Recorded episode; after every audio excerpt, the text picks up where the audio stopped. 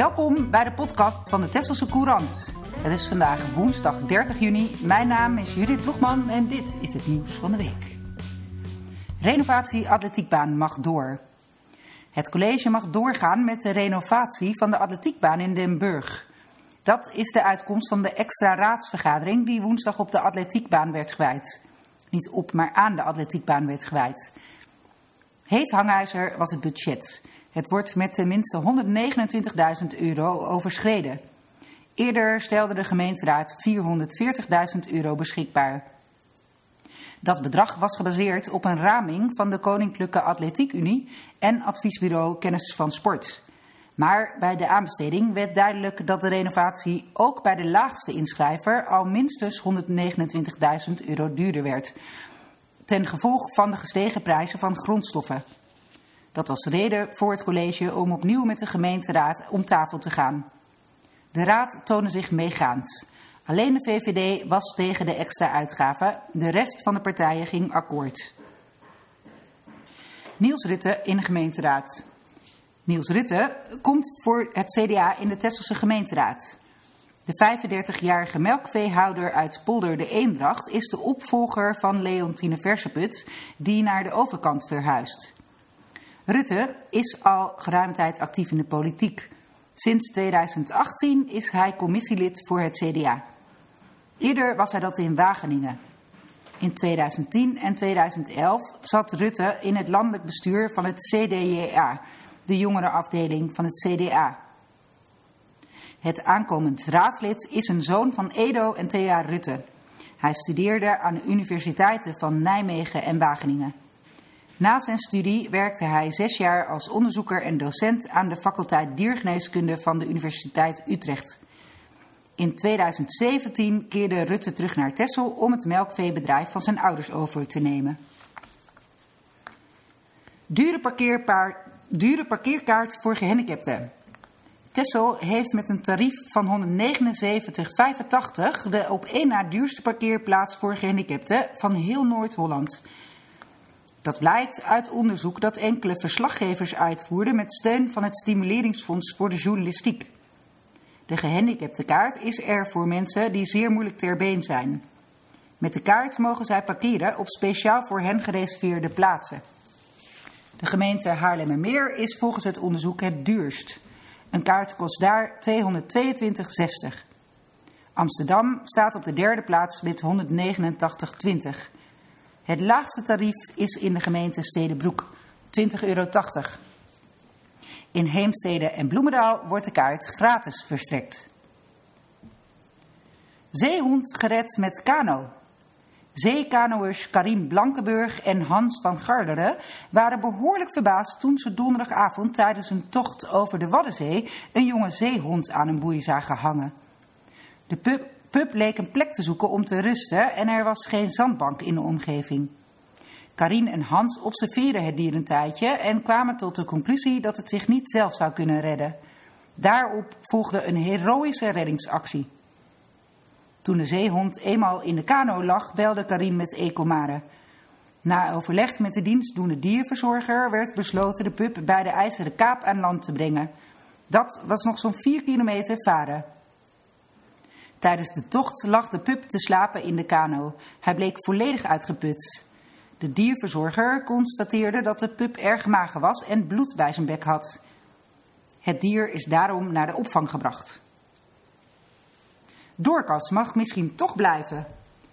Kringloopwinkel Doorkas mag mogelijk toch aan de Abbewaal in Den Burg blijven. Dat is de uitkomst van meerdere gesprekken die de afgelopen tijd zijn gevoerd. Het college oordeelde in maart dat de kringloopwinkel weg moest omdat er normale detailhandel wordt bedreven, terwijl volgens het bestemmingsplan alleen volumineuze detailhandel is toegestaan. Dat viel Doorkas rauw op het dak, ook al omdat het oordeel voortkwam uit bezwaarprocedures waarin de eigenaar van het pand, een buurman en de gemeente waren verwikkeld en waarin Doorkas zelf geen partij was. Burgemeester en wethouders zijn nu bereid doorkast ter willen te zijn, maar dan moeten er wel een paar knelpunten worden opgelost. Zo moet de eigenaar van het pand zorgen voor voldoende parkeerplaatsen op eigen terrein. Koetsier gewond bij aanrijding. Bij een ongeval met twee paard en wagens is vrijdagochtend een 73-jarige koetsier uit Den Hoorn gewond geraakt.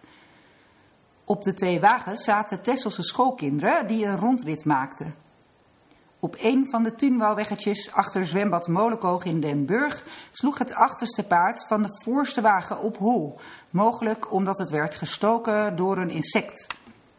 De koetsier van de achterste wagen probeerde nog om de andere wagen heen te sturen, maar kon een botsing niet voorkomen. Daarbij viel de koetsier van de voorste wagen en kwam ook een van de paarden ten val. De 73-jarige Hoornder werd met de ambulance naar het ziekenhuis gebracht. Volgens zijn familie is hij er naar verhouding goed vanaf gekomen. De schoolkinderen kwamen met een schrik en een blauwe plek vrij. Ook de paarden bleven ongedeerd. Suppletie tussen paal 9 en 13 klaar. De suppletie tussen de strandpalen 9 en 13 is afgerond. Rijkswaterstaat heeft er de afgelopen weken in totaal 1 miljoen kuub zand opgespoten, zodat de zogeheten basiskustlijn bij Den Hoorn weer in orde is. Het strand is weer vrij toegankelijk en ook aan de zuidzijde van paal 9 staan inmiddels de strandhuisjes. Daarmee zijn de werkzaamheden nog niet ten einde. Tot maart volgend jaar vinden nog vooroeversuppleties plaats. Daarbij wordt zand opgespoten bij de zandbanken onder water. Bedoeling daarvan is, dat de, is de kracht uit de golven te halen nog voordat ze de kust bereiken. Tussen paal 14 en paal 23 wordt 4,5 miljoen kuub zand aangebracht. Tussen paal 25 en 28 komt 1,5 miljoen kuub zand de zee in om de kust te beschermen. Erfstuk gestolen. Bij een inbraak in de woning van Sietske en Adriaan Dijkse nabij Den Hoorn is vorige week een gouden horloge ontvreemd.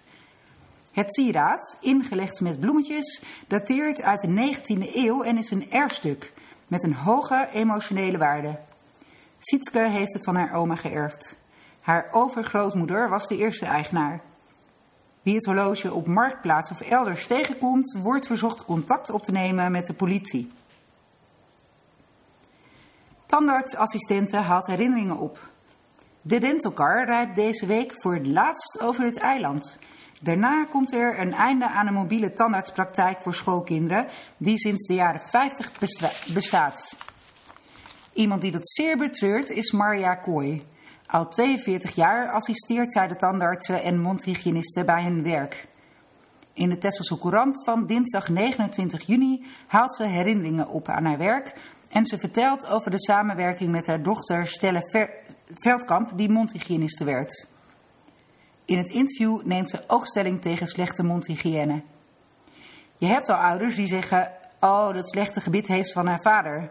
Onzin. Tandbederf is niet erfelijk, slechte gewoontes zijn dat wel. De Tesselse Courant verschijnt twee keer per week en staat steeds boordevol nieuws, reportages en achtergronden. Neem ook een abonnement op de lokale krant van Tessel. Kijk op www.tesselsecourant voor de mogelijkheden. Bellen kan natuurlijk ook tijdens kantooruren op nummer 0222 362 600.